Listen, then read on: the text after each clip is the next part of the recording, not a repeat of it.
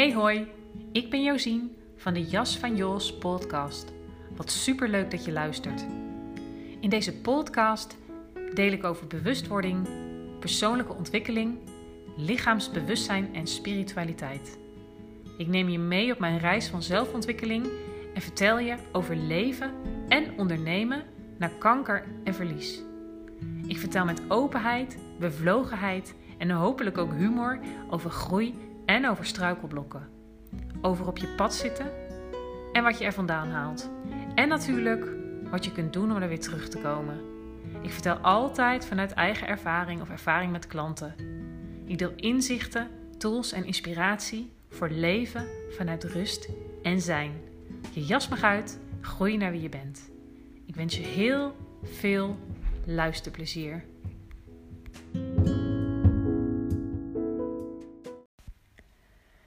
Hey, leuk dat we er allebei weer zijn. Uh, bij een nieuwe aflevering van de Jas van Jos podcast. Ik had eigenlijk met mezelf afgesproken om niet over dit thema te podcasten. Um, ook omdat een deel van mij, denk ik, bang is om zijn vingers eraan te branden. Um, ik ook niet de noodzaak voel om uh, per se, zeg maar, mijn mening of zo hierover te verspreiden. Um, dus dat is zeker niet de motivatie van deze podcast. Um, maar ik voelde wel, zeg maar, uh, los van daar een mening over moeten hebben, dat ik ook wel voel dat het, dat het belangrijk is om hier gewoon wat over te zeggen. Um, omdat het misschien voor jou herkenbaar is, misschien je juist precies er anders over denkt. Maakt niet uit. Maar wat ik heel belangrijk vind, is dat hier gewoon een open gesprek over mag zijn. Um, misschien denk je nou, waar heeft het over? Maar ik denk eigenlijk dat dat niet zo is. Want je weet waarschijnlijk wel waar ik het over heb. Het C-woord, corona en de toestanden rondom corona. Dus um, ik wil je toch meenemen in, uh, in hoe dat ook voor mij een uitdaging is. En dan met een positieve twist, vooral hoe ik hiermee omga en um, hoe ik mezelf hierin begeleid. Want ik denk als er een, een tijd is waarin er heel veel van je zelfleiderschap wordt gevraagd. Um, van je vermogen om present te blijven, bij jezelf te blijven, uh, niet in reactiviteit en oordeel te schieten, dan is het wel deze tijd. En dat is misschien wel de belangrijkste uh, ja, boodschap, wil ik zeggen. Dat is misschien wel het belangrijkste waar het voor mij over gaat in deze aflevering. Dat het gaat om ook wat dit thema uh, aangaat, dat we verantwoordelijkheid nemen voor ons eigen innerlijk gevoelsleven. Dat we verantwoordelijkheid nemen voor hoe wij ons voelen hierbij, wat het in ons oproept. Dus zelf verantwoordelijkheid nemen voor wat er speelt van binnen. Maar wat natuurlijk ook zo is, is dat dat makkelijker gezegd dan gedaan is. Want ik heb mezelf de afgelopen tijd best wel eens horen zeggen in gesprekken: ja, de kunst is om daar uh, dicht bij jezelf te blijven. Um, wat een beetje zo'n gevleugelde uitspraak is, maar wat bedoel je daar nou eigenlijk mee? En ik, weet je, ik zei dat ook uh, en dan onderbouwd. Um, maar, hè, want dat is wel belangrijk om, om daar dan nog wat uitleg over te geven. Want wat is dat dan eigenlijk? Hoe, wat is dat eigenlijk bij jezelf blijven en hoe doe je dat dan? Um, juist in een tijd als je van alle kanten getriggerd wordt, uh, als je persconferenties kijkt, als je mensen hoort met tegengestelde meningen, als je hoort over uh, uh, conspiracy theorieën, complottheorieën, of um, de angst voelt die leeft bij mensen je kan het eigenlijk niemand kwalijk nemen dat je, dat je gaat zwabberen in deze tijd. Dat je, uh, dat je de tegenstrijdigheden in jezelf tegenkomt. Misschien is dat eigenlijk wel een Hele belangrijke. Wij mensen zitten allemaal vol met tegenstrijdigheden en ambivalenties. En juist deze tijd um, legt dat ook allemaal onder een vergrootglas. Want dat is toch wat we eigenlijk allemaal willen: hè? Dat, je, uh, dat je rechtlijnig bent en uh, inderdaad dicht bij jezelf blijft. Maar dat je duidelijk bent, dat je vooral duidelijk hebt voor jezelf. Uh, hoe je erin staat, wat belangrijk voor je is en al die dingen meer. Maar dat is als het gaat om het onderwerp corona gewoonweg hartstikke moeilijk. ook als je kijkt naar regels en maatregelen, um, waar vaak de logica ontbreekt, de lijn ontbreekt. Um, waarbij, de, waarbij ook gespiegeld wordt waar de lijn en de logica in jezelf ontbreekt. Waar ook de twijfel de kop opsteekt van ja, wat vind ik nou eigenlijk? Um, legt ook een vergrootglas op dat, dat we altijd zo duidelijk moeten hebben wat je precies vindt en waarom. En dat je daar vooral ook niet voor, van af mag wijken. En dat als je eenmaal mening A hebt, dat je ook niet zomaar naar mening B mag gaan. Of door uh, mening, naar mening A en een half, bij wijze van spreken. Ja, want dan ben je niet meer betrouwbaar. En dan uh, zwabber je heen en weer. En dan um, waai je met, met alle winden mee en heb je geen ruggengraat. En als je wel heel erg vasthoudt aan een bepaalde opvatting, dan, dan weet, weet ik veel, dan ben je gek of hoe, hoe zeg je dat, naïef of whatever. Het is gewoon ontzettend moeilijk deze tijd. En als ik voor mezelf spreek, dan, dan is dat, hè, wat, ik, wat ik zei, dat innerlijk heen en weer gezwabber, dat is ook bij mij aan de gang. En dat zorgt er ook voor dat ik een beetje aan het wankelen word gebracht. Van, ja, wat vind ik nou eigenlijk en waarom vind ik wat ik vind? En waarom moet ik kosten wat kost aan iets vasthouden? Of waarom um, wil ik juist kosten wat kost ergens niet aan vasthouden? Deze tijd legt dat allemaal bloot. Je onzekerheden, je angsten. Um, ja, daar waar je dus uh, geraakt wordt. Bijvoorbeeld, als ik eerlijk ben, um, dan speelt er bij mij ook vaak een stuk mee. Een stuk rebel, die zich gewoon niet laat vertellen uh, hoe het moet. En dat het dan ook heel moeilijk is om, ik bedoel, als je bijvoorbeeld naar het hele vaccinatiebeleid kijkt, uh, om daar ook de andere kant van te zien. Um, om gewoon een voorbeeld te noemen. Wat ik ermee wil zeggen is dat het belangrijk is om je overtuigingen hier uh, onder ogen te zien. En dat je ook durft te onderzoeken uh, bij jezelf waarom je door een bepaalde maatregel bijvoorbeeld getriggerd wordt. Dat je er, dat je er boosheid door voelt, dat je je angstig ervan voelt, dat je je voelt opgesloten, beperkt en al die dingen meer. Zonder dat je zeg maar uh, dan water bij de wijn moet doen. Um, hoe zeg je dat? En dan ineens met een bepaalde maatregel eens te zijn. Maar het is wel heel belangrijk om, om, ja, om eerlijk te worden van hoe je daar gekleurd bent. Ook door wat je in je leven hebt meegemaakt. Wat je vanuit je jeugd meekrijgt. Speelt allemaal mee. Um, ik weet nog toen dat net begon met de mondkapjes en ze niet verplicht waren. Um, dat, eh, dat ik een, een stuk in mezelf had die dat absoluut niet wilde. Ik voelde me gemuilkorfd. En dat ik dat onderzoek ook met mezelf heb gedaan van ja, wat, wat, waarom voel ik me eigenlijk zo? Wat, wat, wat is nou hier het probleem? En dat heeft heel erg, dat is heel erg te maken met, met uh, uh, dat een deel in mij zich gewoon, gewoonweg niet wil laten vertellen wat ik moet doen. En dan wat er dan wakker wordt is van nee, dat bepaal ik zelf. Een soort rebel. En nogmaals, daar is op zich niks mis mee, maar het is wel heel belangrijk om dat onder ogen te zien. Um, dat dat soort instanties in je meespelen. Net zo goed als dat je bijvoorbeeld als je elke keer maar weer het 8 uur kijkt, wat ik dus gewoon niet doe, um, maar bepaalde cijfers hoort en hoe bepaalde cijfers uh, misschien ook niet, ja, in, in een bepaalde context gepresenteerd worden.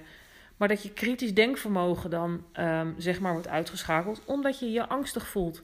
Bijvoorbeeld omdat de, uh, de, de, de, hoe zeg je dat? De aantallen op de IC toenemen, om maar iets te noemen. Om je zeg maar niet helemaal te laten leiden door angst, maar wel je angst serieus te nemen en, en gewoon eens gaat voelen in je lichaam: oké, waar manifesteert die angst zich? En als ik me daarop afstem, wat komt er dan op? En dan zou je zomaar eens heel veel helderheid kunnen geven over wat het precies is waar je bang voor bent. En natuurlijk kunnen we daar ook heel simpel over zijn dat er ook iets meespeelt als simpelweg de angst voor de dood.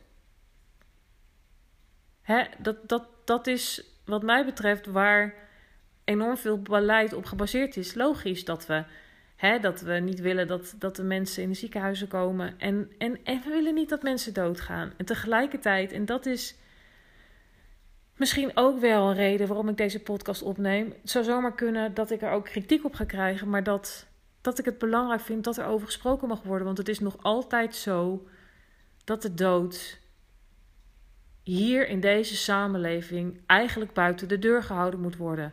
En natuurlijk is het belangrijk dat we kwetsbare mensen beschermen.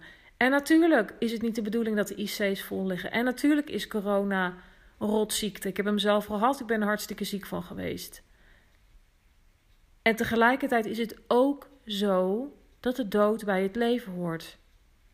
Dat je de dood niet kunt controleren. Dat vind ik zo belangrijk om te zeggen.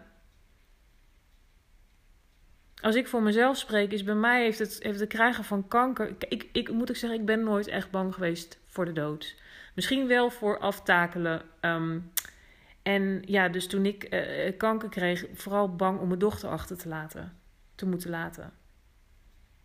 Um, maar zeker, het, het krijgen van kanker heeft bij mij uh, ja, nog veel meer ervoor gezorgd dat dood voelt als onderdeel van dit leven. En, en weet je, dat is ook aan iedereen persoonlijk hoe je daarin staat.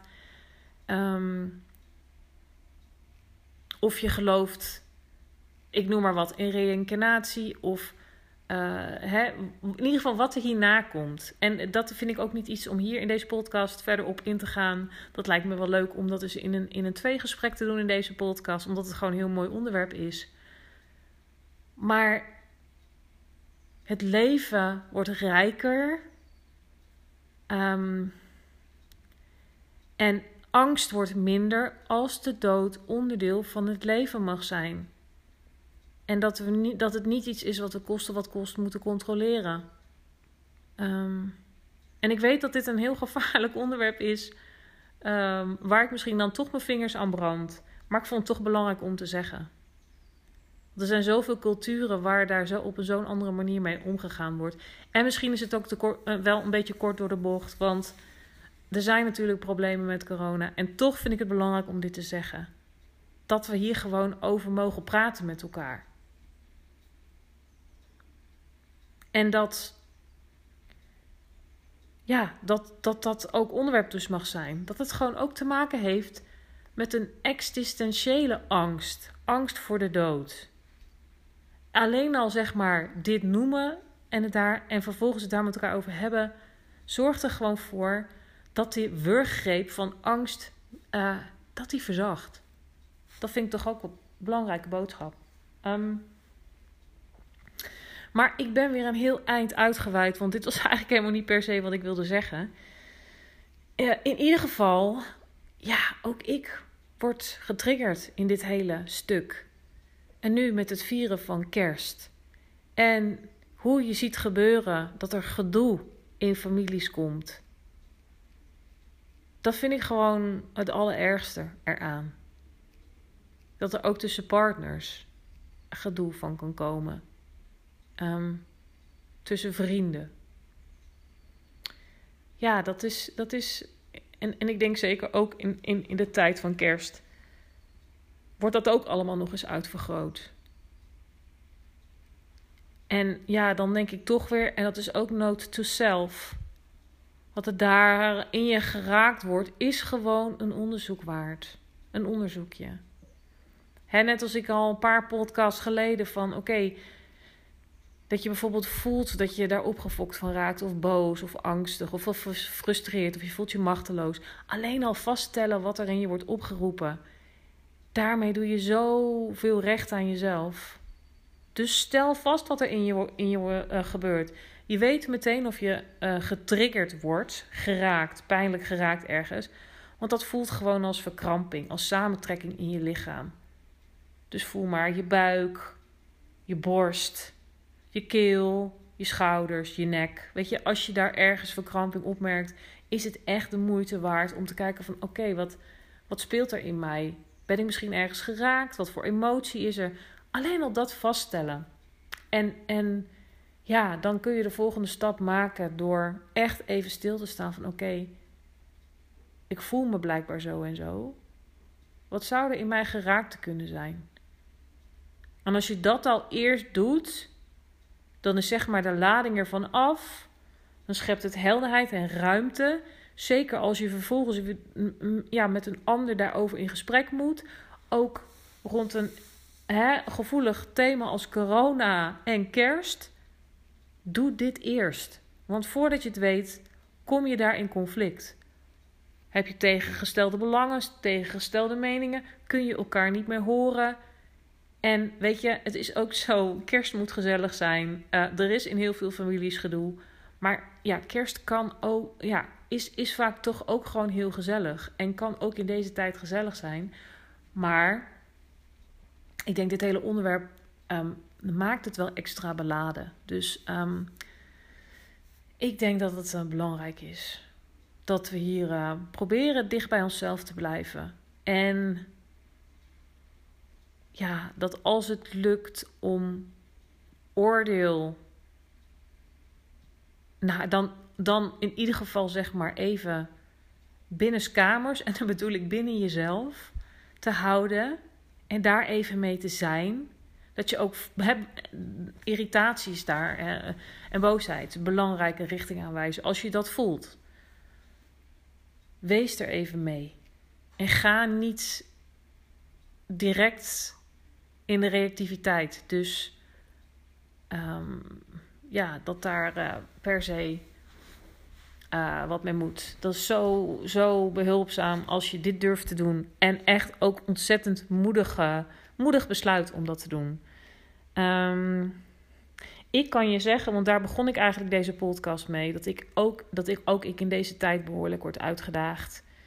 Um, is ook gekoppeld aan de kerst.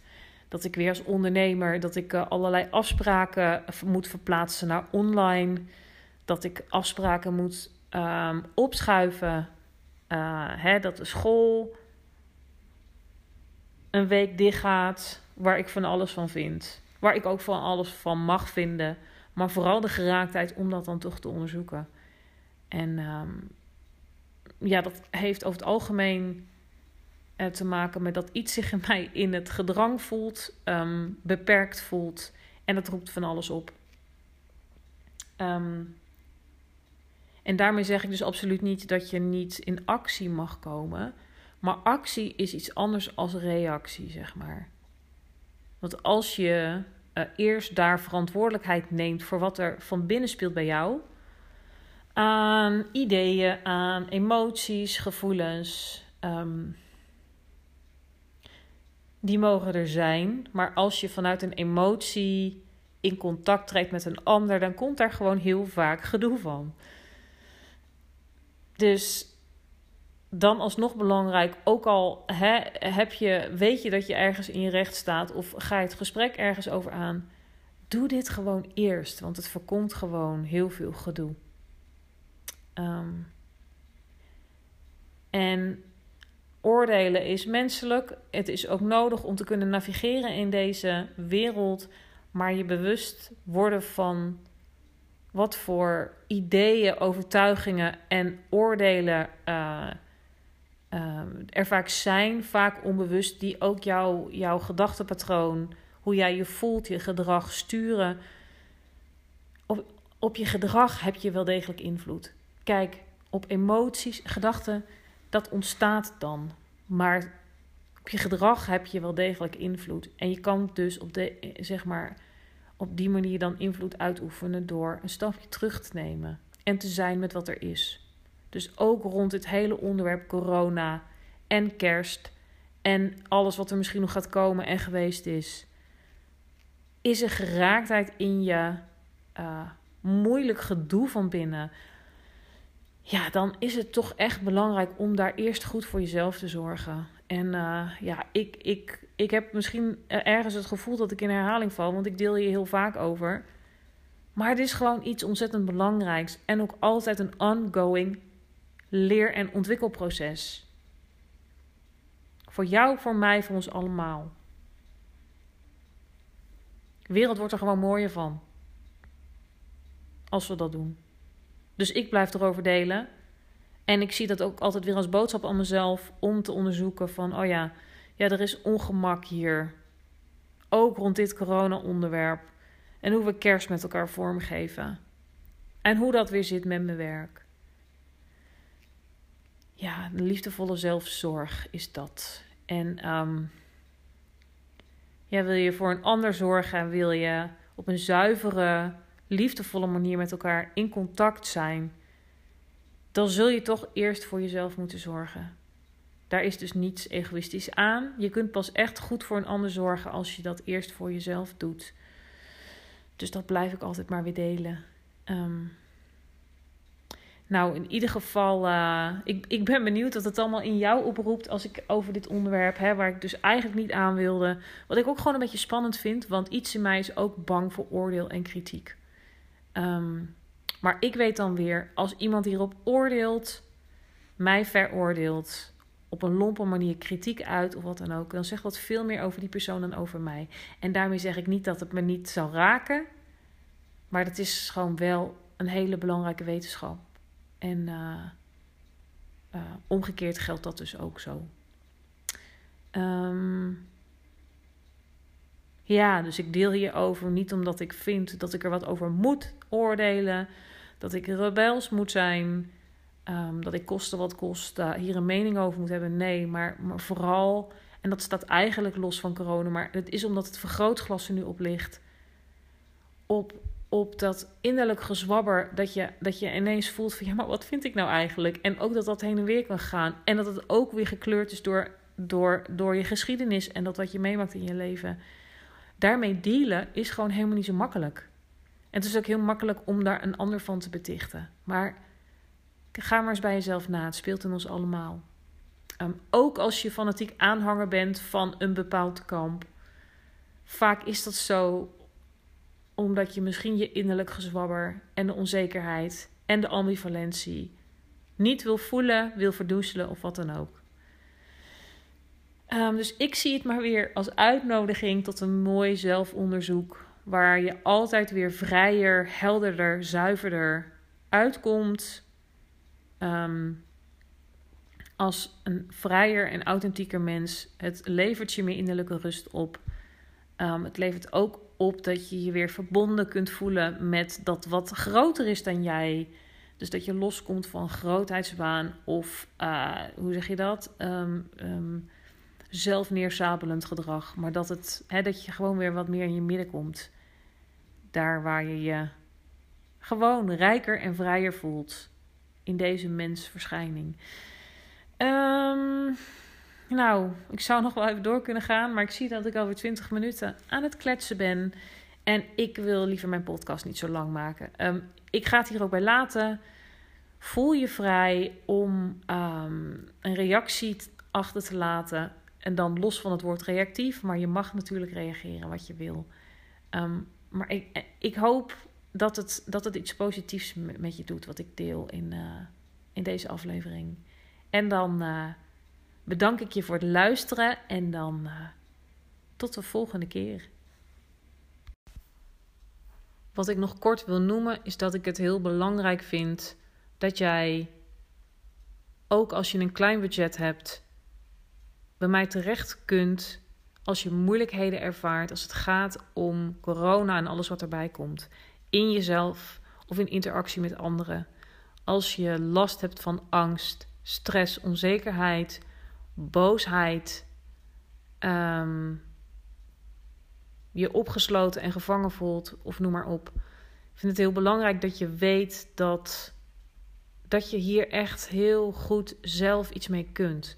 Maar dan moet je wel weten hoe en dat het bestaat. En ik, ehm, ik weet uit ervaring dat met dit soort moeilijke gevoelens omgaan, die uiteindelijk altijd innerlijke moeilijkheden zijn, ook als de buitenwereld moeilijk is, dat dat moeilijk voelt, dat speelt zich af in jou en daar kun je gewoon beter in worden om jezelf daarbij te staan. Ehm, dan wil ik tegen je zeggen: uh, informeer naar de mogelijkheden, want ik bied je heel graag ondersteuning hierbij. Als je bijvoorbeeld last hebt van um, angst en stress, dan kun je ook in een paar sessies daar heel mooi mee werken.